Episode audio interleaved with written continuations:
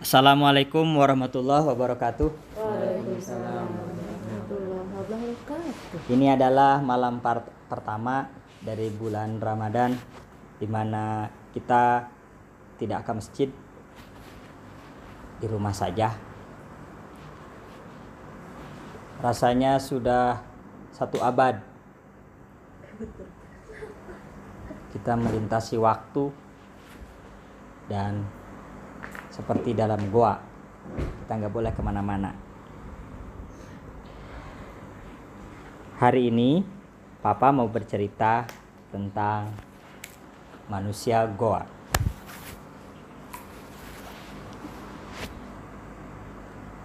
Dua juta tahun yang lalu dalam sebuah penelitian arkeologi dan sejarah umat manusia ternyata manusia sudah ada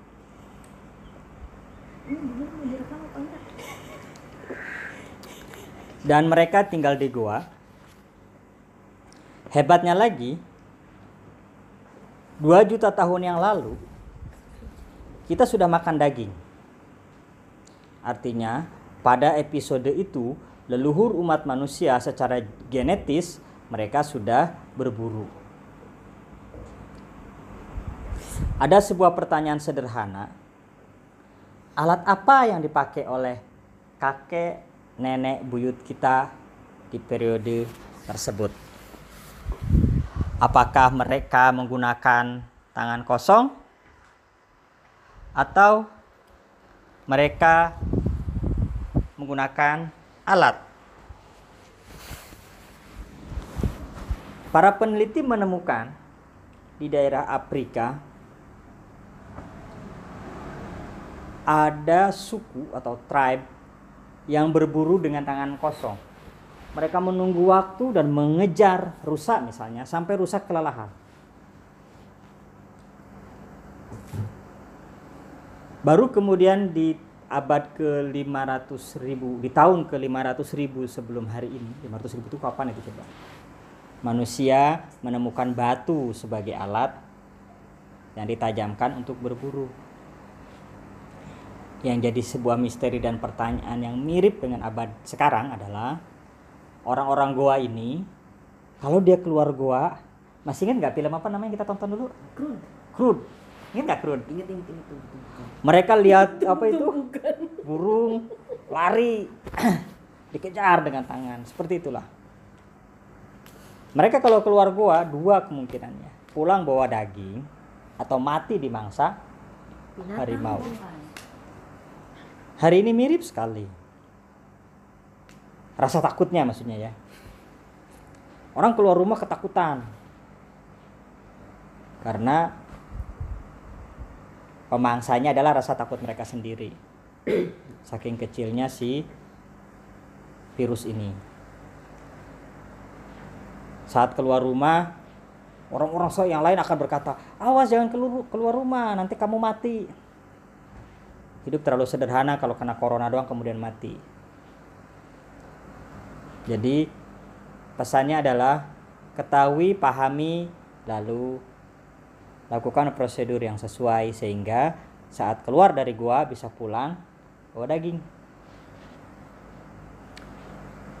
Isu yang berkembang negara bangsa-bangsa di dunia sengaja menghentikan lalu lintas umat manusia. Papa baru sekarang mengalaminya sejak sejarah Papa dilahirkan sampai hari ini. Dan ternyata model wabah begini terjadi setiap 100 tahun sekali. Papa beruntung 39 tahun atau 40 tahun sebelumnya bisa menikmati hidup normal. Papa tidak tahu Ejra dan Elin ke depan apa bisa hidup normal. Bisa bepergian, jalan-jalan, keliling dunia. Bisa saja itu tidak akan pernah terjadi. Lalu apa yang dilakukan oleh orang modern hari ini? Ini tantangannya, ini tantangannya nih.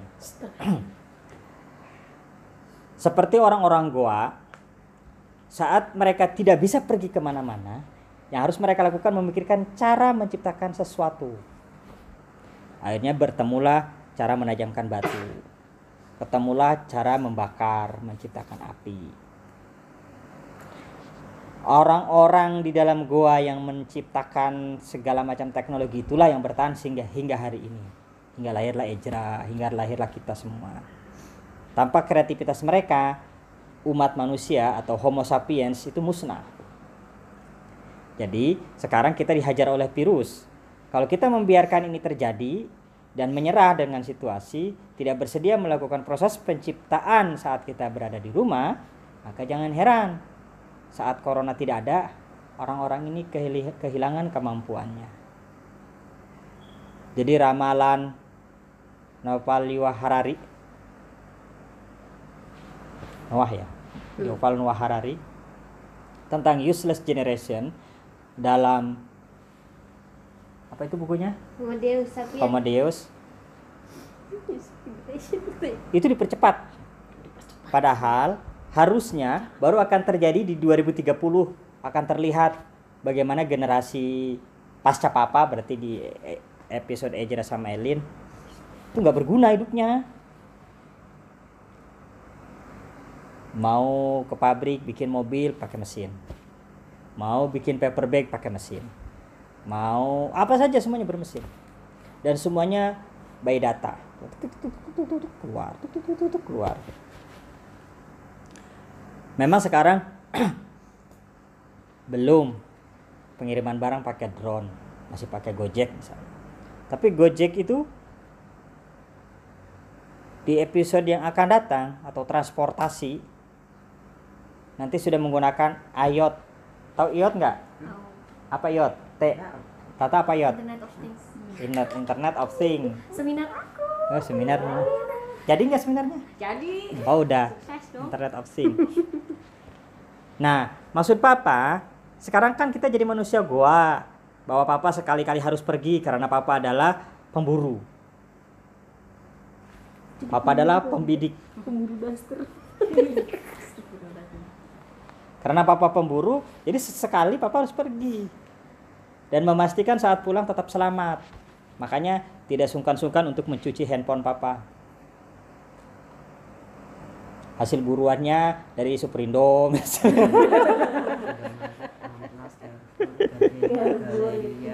teh botol yang pastikan deh roti keju Simori. Cimori. Yakut. Yakut nah selama periode rumahan ini periode periode manusia gua ini bila Ezra, Elin, Tete juga sama itu.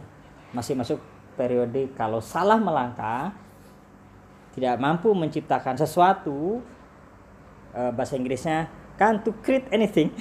Can't to create. Can't create anything. Create anything. Iya, iya, iya, iya. Inggrisnya diperbanyak Ah, ore. Itu suara Ezra. Bahasa Inggris Sama Ya, Ezra. Oke. Jadi ketika tidak bisa menciptakan sesuatu selesai hidupnya. Karena nanti manusia hanya ada di posisi pencipta ide dan kreasi, membuat pola. Setelah itu jadi diserahkan ke data eh, artificial intelligence AI. Dari AI dibuatlah sebuah konsep yang itu kemudian dihubungkan menggunakan teknologi IoT. Kamu kalau misalnya cuci gelas, cuci piring tinggal jentikan jari, cetrik, langsung duduk, duduk, duduk, selesai. Kalau sekarang Jari pakai telepati. begitu. Jadi Papa mau eh, kita selama Ramadan paling tidak ayo ciptakan sesuatu yang sederhana saja pada awalnya. Apa saja. Meskipun itu hanya sekadar tarian corona misalnya seperti yang dilakukan Ejra atau mama bikin aplikasi cowok-cowok Korea misalnya Ya Allah. Jadi- kita kita mesti hari ini belajar untuk gimana bahasa Inggrisnya to create to create something oh to create something ya Ah, Jimpitan. Terima kasih ya. Tutup dulu. Oh, tutup dulu. Demikian untuk pertemuan sore ini. Wassalamualaikum warahmatullahi wabarakatuh. Waalaikumsalam. warahmatullahi wabarakatuh. Assalamualaikum warahmatullahi wabarakatuh. Ini adalah malam Kedua. kedua. Apakah kita sanggup sampai 30 malam? Wow. Pada malam ini Papa mau bercerita tentang sebuah buku yang judulnya The Silent Guide tulisan Profesor Steve Peters dari UK. UK itu mana sih? Oh, kirain uka-uka.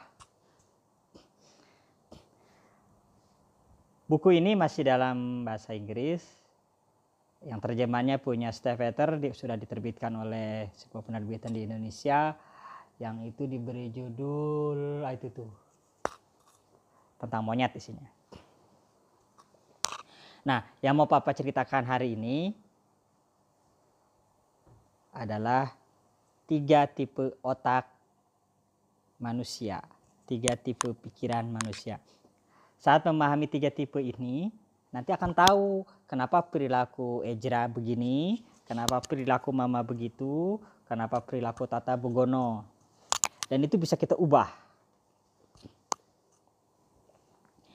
Sejak seorang anak berada di perut ibunya, ketika dia sering mendengarkan apa atau orang tuanya berbicara apa, sampai anak ini usia tiga tahun, itu adalah proses pembentukan otak komputer database. Papa masih ingat Ejra kecil sepulang papa dari Wonosobo kita sholat maghrib lalu papa ceramah tentang alfil masih ingat gak? Ada begini ya. iya kisah Raja Ababil waktu itu. Jadi apa pun yang didengar oleh Ezra, oleh Tata saat usia dari masa kandungan sampai usia tiga tahun itu direkam sepenuhnya dan disimpan dalam otak komputer. Jadi tidak heran ketika misalnya Ezra usia mulai bisa bicara 4-5 tahun kalau ngomong rapi. Jangan heran juga dia bisa mengutip cerita-cerita di jalanan tiba-tiba cocok gitu dengan sebuah situasi. Seperti apa kalimatnya dulu? Aku gak terpercaya lagi. Gimana sih kalimatnya? Lupa papa. Papa salah ya. Nah, pada usia itu harus sebaiknya orang tua memberi, memahami, bercerita tentang hal-hal hebat sebagai visi masa depan sang anak. Lalu setelah umur 3 tahun masuk 4 sampai umur 10 tahun itu otak monyet. Di sinilah kita melihat saat anak usia 4 tahun sampai usia 10 tahun lah kurang lebih. Kalau menginginkan sesuatu itu harus. Bila orang dewasa yang menemaninya tidak memahami pola otak ini, beresiko tinggi terhadap si anak. Misalnya Ezra pengen renang. Mamanya nggak suka renang. Bukannya diizinkan, Ezra dimarahin sama mamanya. Misal, lalu Ezra nangis cerit-cerit. Lalu setelah nangis baru diantar. Itu contoh buruk mendidik anak. Contoh baik adalah apa pun yang diinginkan oleh anak, turuti. Bila tidak dituruti, cari alternatif yang membuat anak tetap merasa berharga hidupnya. Tetap bahagia. Misalnya, renang ke kolam renang nggak bisa, renang di ember aja. Itu contoh. Jadi periode masa otak monyet inilah yang menentukan di masa depan siapa nanti yang paling berkuasa. Monyet apa otak manusia? Nah otak manusia lahir mulai bertumbuh pada usia 10 dan sampai sekarang. Jadi Ezra sekarang sudah punya keputusan dan pertimbangan sendiri. Begitu juga Elin, begitu juga Tete, begitu juga Mama. Termasuk juga Papa. Nah, seluruh database yang dimasukkan ke dalam komputer tadi pada usia 4 sampai 10 tahun monyet ikut memasukkan data ke dalam otak komputer. Kata si monyet, kata otak monyet, aku kalau jerit-jerit pasti dapat. Contoh ya, eh, yang anaknya baru diberikan kalau su- sudah ngamuk. Atau anaknya merasa aku nggak perlu minta apa-apa, pokoknya kalau aku pengen tinggal eh, ngelirik saja apa yang aku mau langsung ada misalnya. Jadi apa pun yang terjadi di periode masa monyet ini, otak monyet bertumbuh itu nanti menjadi dominan. Biasanya monyet ini salah satunya penakut, impulsif, mudah marah, kalau ditanya mudah tersinggung. Hmm, ini sepertinya ditarget kepada satu orang ini. Enggak, ini semuanya. Oh, papa ganti fokusnya ke Tata sekarang. Ke Tata sekarang. Jadi sama ke mama juga. Teteh. Ini ke semuanya, ini cerita tentang monyet. Otak monyet. Perilaku yang akan agar ade paham, mama paham, tata paham, dan teteh paham bahwa kalau kita memahami mana yang otak monyet, mana otak manusia, dan otak komputer untuk tujuan hidup kita, maka kita tinggal mengembangkannya. Perhatikan, rasa takut, cemas, khawatir, kalau dibiarkan berkuasa di dalam diri kita, maka kita tidak bisa ke mana-mana. Kalau ada memperhatikan peristiwa kemarin sore saat papa naik ke atas tangga, ke atas lantai rumah, masih ingat nggak dek? masih Tangga itu kan berasa sepertinya mau jatuh gitu kan, papa takut.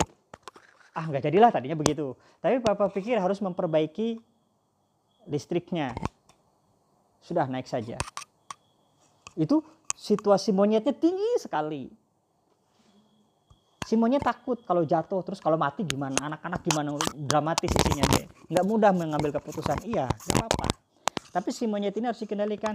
Toh kalau jatuh tidak akan separah itu kata si otak manusia. Kamu bisa dengan berhati-hati dan segera tangannya men- menggapai dinding sehingga bobot berat badanmu nyangkut di dinding rumah dan tidak akan jatuh.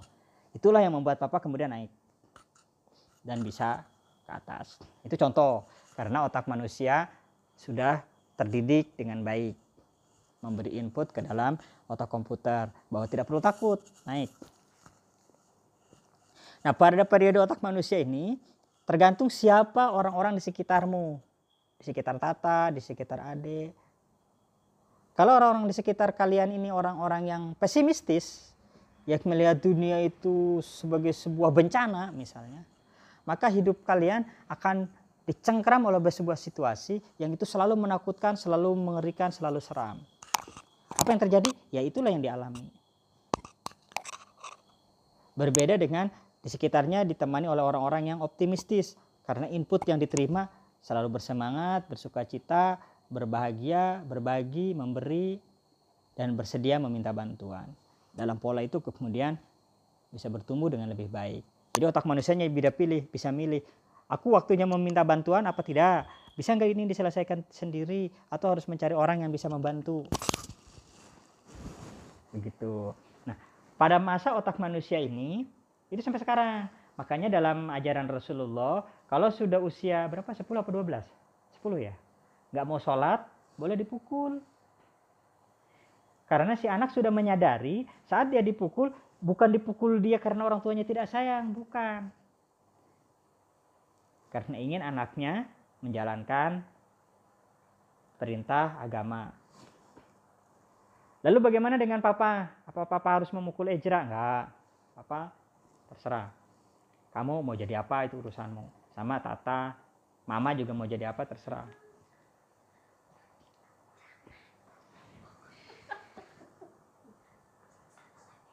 Papa sering dipesan oleh Mama, Bo, tolong katanya itu Elin itu diarahkan ke mana atau Ejra itu diarahkan ke mana.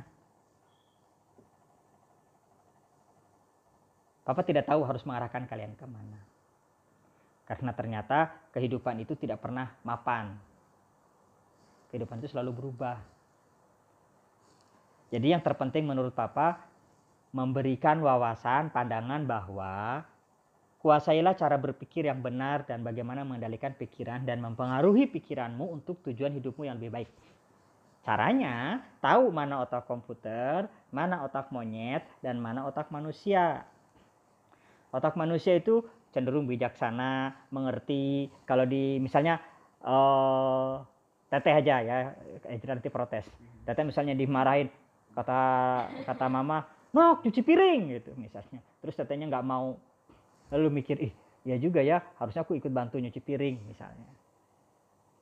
Atau Tata Tata di kamar terus nggak pernah turun nggak pernah apa sampai sampai jamuran gitu kan. Lalu kata sampai kena tongket. Lalu kata mama ta turun bersihkan kandang kucing misalnya. Kan dalam momentum itu reaksi pertamanya monyet biasanya. Ih mama gangguin aku aja padahal aku lagi asik chit chat sama teman misalnya. Itu otak monyet yang muncul begitu. Tapi nanti kalau jeda dia nggak protes mama nanti aja misalnya. Misalnya dia Elin nggak ngomong begitu tapi bertahan. Jeda tarik nafas. Oh iya ya aku bantu mama deh. Itu yang akan keluar otak manusia yang muncul. Karena tahu di database iya ya aku nih harus bantu apalagi kucingnya aku yang minta itu contoh contoh contoh contoh jangan tersinggung? Oke, sekarang nih ini yang terpenting kalian harus tahu. Otak komputer ini database otomatis. Apa pun yang dijejalkan ke otak komputer itu nanti di bawah sadar langsung, langsung muncul ke permukaan. Yang bisa mempengaruhi otak komputer ada dua, monyet dan otak manusia. Otak monyet ini impulsif, buru-buru, gurusa-gurusu, dan cenderung ceroboh.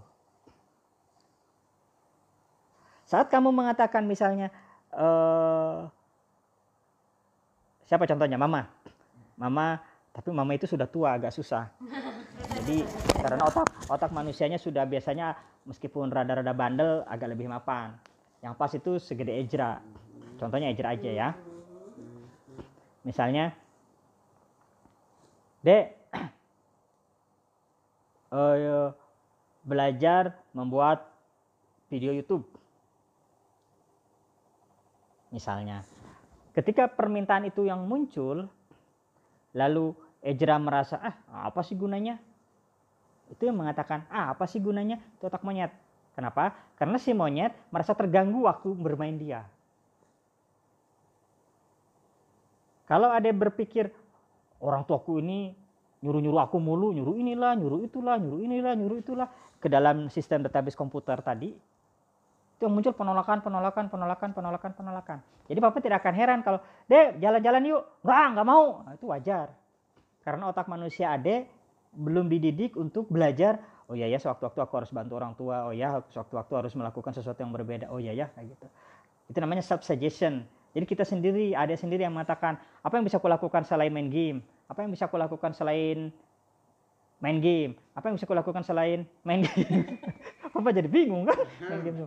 Nah, Papa salut sekarang, belakangnya Ejra, oh aku kalau pagi nyemprot tanaman misalnya. Oh nyiram, nyiram tanaman. Ya.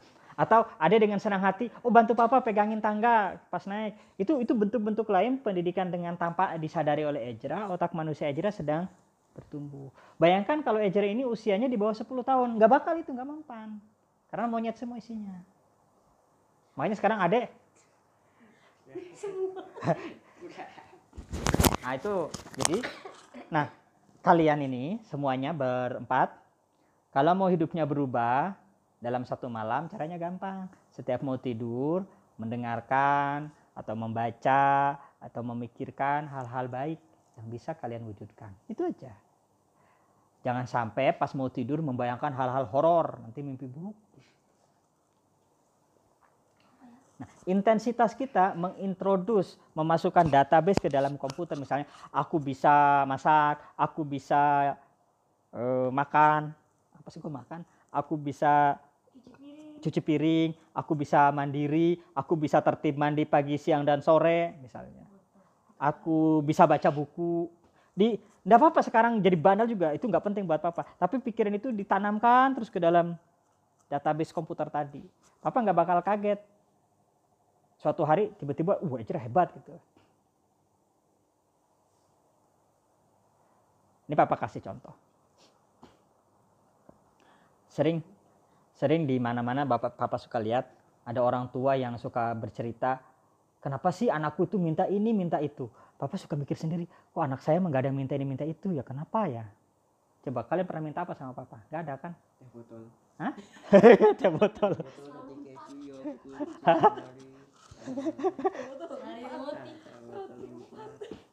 Dek, bikin tutorial membuka teh botol. tutorial bikin air. Jadi kenapa kenapa tidak minta gitu? Padahal papa dengar, uh minta jajan ini, minta jajan. Kalau kalau kalau kalian amati kenapa itu terjadi? Karena pada periode otak monyet, kadang nggak pernah dibantah minta apa saja. Hayu, hayu, hayu. Kalau ada waktu ditunda, mama akan bercerita sabar ya deh, atau kita ini dulu, nanti besok diaturkan jadwalnya. Sehingga kalian tidak pernah tidak pernah merasa takut untuk menginginkan. Bener gak ta? Atau jangan Tata ada yang diinginkan nggak berani bilang? Enggak. Enggak ya. Rasa aman itulah yang membuat kalian akan bertumbuh lebih baik. Rasa terpenuhi seluruh kebutuhannya, rasa saja padahal mah ya. Kenyataannya papa pengen beli mobil baru kan belum. Agak curhat dikit. Oke, jadi eh, kita kasih konklusi sedikit catatan untuk sore ini bahwa pikiran kita terbagi dalam tiga tipe pikiran komputer, pikiran monyet, dan pikiran manusia. Pikiran komputer ini otomatis akan mengendalikan kehidupanmu. Nah, untuk memberikan input yang bagus, maka antara monyet dan manusia perbesarlah dominasi otak manusia yang menginput ke dalam database komputer. Otak manusia itu otak yang bijaksana, berpikir dahulu sebelum bertindak, perencanaan, matang, mapan. Otak monyet, buru-buru, gerusa-gerusu, penakut, eh, mencoba melindungi diri dari hal apa pun, cenderung defensif. Demikian dari Papa untuk kajian sore ini dan pasti akan ada gunanya. Papa yakin itu. Seluruh data cerita Papa selama satu bulan ke depan akan ada di eh, apa namanya media streaming di Ancor FM. Karena insya Allah suatu hari kalian akan sadar saat dalam keadaan sulit akan menemukan sebuah cerita tentang otak monyet, otak manusia dan otak komputer. Saat itu ditemukan tidak ada masalah dalam kehidupan yang tidak bisa diselesaikan. Terima kasih. Wassalamualaikum warahmatullahi wabarakatuh. Waalaikumsalam warahmatullahi wabarakatuh. Assalamualaikum warahmatullahi wabarakatuh. Alhamdulillahirrabbilalamin. Malam ini adalah malam ketiga. Dengan setumpuk kelelahan sebelumnya, entah kurang tidur, entah kurang main, atau kebanyakan main, atau kebanyakan tidur seperti papa. Ini sudah malam ketiga. Semoga kita masih bisa bertahan. Sedikit lagi kok, tinggal 27 hari lagi. Lebaran. Pada malam ini kita akan bicara tentang otak lagi. Tapi dalam perspektif yang berbeda, yaitu bagaimana otak bekerja dan bisa mengubah realitas. Jadi malam ini kita akan bahas buku ini. A Whole New Mind. Gimana dibacanya tah? Tata ketawa ya. Ayo tah gantian tah. Pemikiran yang benar-benar baru dan komplit yang nulis Daniel Pink. Di buku ini berdasarkan sebuah riset menggunakan MRI. MRI itu singkatan dari apa ya lupa? MRI itu singkatan dari mesin kayak. machine. Jadi merekam kepala isi otak. Benarkah otak kanan dan otak kiri sebagai sebuah pembagian dalam cerita-cerita para neurologis atau para psikolog itu benar? Benarkah? Benar. Kak belajar itu. Bukan itu pertanyaannya. Mama yang nanya. Mama yang nanya. Tidur. Sekarang coba perhatikan. Pernahkah kita bisa melihat sesuatu tanpa menghitungnya? Eh, terlihat saja di kepala kita. Bisa nggak? Ada bisa membayangkan sesuatu? Apa? Saja? Nah, konstruksi lengkap dalam pikiran kita saat membayangkan sesuatu itu adalah separuh jalan dari proses mewujudkan sesuatu tersebut. Jadi ketika mengi- menginginkan A tanpa pernah jelas di benak kepala kita A itu apa, potensinya mungkin dalam kehidupan nyata ia jadi tidak terwujud. Di sinilah seni berilustrasi dalam pikiran menjadi perlu. Atau contoh lain, pernah memperhatikan kisah-kisah novel itu? Harry Potter lah ya, yang paling gampang. Udah baca ada ya? Harry Potter itu dari jilid 1 sampai jilid 7, 7 ya? Itu lengkap dari bawah runtuh sampai sampai terakhir. Kenapa bisa begitu? Papa pernah berpikir sangat serius memikirkannya. Kok bisa orang berpikir seperti itu? Ternyata bahkan sebelum ditulis novel itu sudah ketahuan akhirnya seperti apa oleh sang penulisnya. Demikian juga dalam komik-komik, begitu juga di drakor. Minimal sutradara sudah tahu bagaimana endingnya. Makanya disukai. Berbeda dengan drama-drama Indonesia seperti tersanjung sampai tersanjung berapa.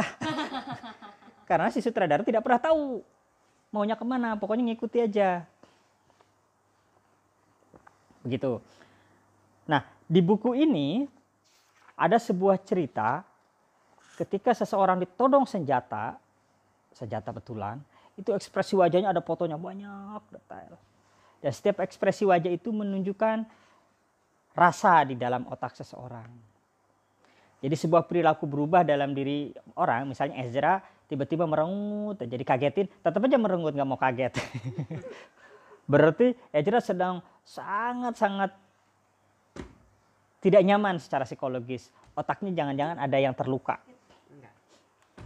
Jadi rasa takut berlebihan sesungguhnya kalau zaman dulu pada saat belum ada MRI, belum bisa diteliti bongkahan otak manusia, para psikolog itu hanya kasih obat aja, obat penenang lah, obat apa, semuanya tentang obat psikoterapi kak. Mereka tidak pernah tahu sebenarnya penyebabnya itu apa. Ada yang menduga akibat salah makan. Kalau orang-orang di kampung kita, oh kesambet katanya. Uh, mereka menyalahkan hantu, kuntilanak, setan, dan genderuwo biasanya. Padahal bukan itu. Bisa saja salah satu bagian dari otak dia rusak atau fraktur atau kalau kata apa itu siapa? Pandul? Ahlinya ahli jadi bisa jadi ada ada ada cacatan otak. Misalnya eh, kebentur atau tidur keganjal batu. Nggak mungkin kalau sekarang. Keganjal handphone iya bisa jadi. Nah setelah adanya MRI bisa diketahui seseorang bahkan bentuk otaknya ketahuan. Orang yang selalu memikirkan A bentuk otaknya kayak gini. Orang yang selalu mengalami situasi B bentuk otaknya kayak gini. Ada semua. Pertanyaan selanjutnya bisakah mengubah nasib seseorang dengan mengebuh dengan mengubah bentuk otak? Misalnya otak Einstein ternyata bentuknya kayak gini. Ya jadi mau dijadiin Einstein. Otaknya misalnya di dipijet gitu ya. Diubah seperti otak Einstein. Apakah bisa secara teori bisa. Tapi sebagai sebuah praktek itu masih terlarang. Tidak boleh. Karena dia akan merusak alur alamiah pertumbuhan otak manusia. Nah, kembali ke yang tadi, saat seseorang e, merasa gagal terus, hidupnya depresi banget. Setelah dicek, ternyata ada area di bagian apa lobus frontal atau apa gitu istilah-istilahnya ya. Papa tidak baru baca ininya sih ya. Itu akan terlihat ada bekas luka. Misalnya yang harusnya warnanya abu-abu cerah dia kehitam-hitaman. Jadi sekarang bagaimana mengubah unsur kimiawi di otak tadi? Ah, ini sudah sudah ke mana-mana. Jadi eh, bahkan rasa bahagia itu bisa dipicu dengan menyentuh sudut-sudut di otak tidak alami. Dan itu berbahaya. Salah satu contoh bagaimana otak dipengaruhi oleh bahan kimia, orang nyabu, orang merokok, orang melamun, melamun e, dengan obat. Sakau maksudnya ya. Sakau. itu dampak setelah mabok. Ada cara Yang membuat otak kita bisa segar, sederhana, yaitu dengan berolahraga. Ini bentuk gerakan olahraganya, salah satu yang paling gampang. Jadi seluruh sendi-sendi di jari-jari kita, di tangan tangan kita selalu digerakkan. Makanya penari, pelukis, atau penulis itu punya kecenderungan sehat otaknya. Karena ini bergerak. Lalu bagaimana dengan handphone sekarang? ya kalau dulu mesin ketik begini ya. Kalau sekarang pakai handphone gimana? Bisa jadi otaknya rusak sebelah. nah, kecerdasan hari ini menjadi dipertanyakan apakah penting menghafal sesuatu saat sekarang? Penting nggak? Ada hafal rumus penting nggak, Dek? Buat ulangan penting. Hah? Buat ulangan penting. Buat ulangan ya pentingnya ya. Setelah itu lupa semua. Oh, lupa semua. Semalam ingat semalam lupa. oh gitu ya. Berarti nggak ada gunanya dong hafalannya. Enggak, paling juga enggak dipakai rumus buat kuadrat kayak gitu kan. Iya, setelah itu dibuang ya. Malah lebih terpakai menghafal rumus menghafal rumus apa, Dek? Masak. Rumus masak. Kau belum masak cerdas sekali. Iya, itu lebih berguna ya, Dek ya. Masak itu cuma secukupnya dek. Nah, karena hari ini kecerdasan bisa dibangun secara virtual, artificial intelligence misalnya menggunakan machine learning. Siapa eh, master grandmaster catur namanya? Kasparov ya? Dia dikalahkan oleh mesin cerdasnya punya IBM saat memainkan catur. Hebatnya mesin learning, hebatnya mesin learning, dia tidak punya emosi. Kalah menang tidak ada ekspresi apa-apa. Itu kalau secara ilmu sosial bukan kehebatan, tapi semacam psikopat, psikopat ya, psikopat atau gimana sih tulisannya? Kopat. Psikopat. Eh, apa apa sih?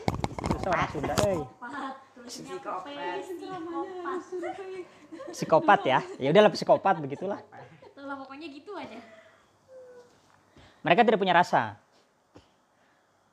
Padahal sebagai manusia, kita sebagai manusia, itulah kelebihannya, yaitu punya rasa. Di sinilah yang dimaksud oleh Daniel Pink, perlunya mengembangkan otak kanan daripada otak kiri.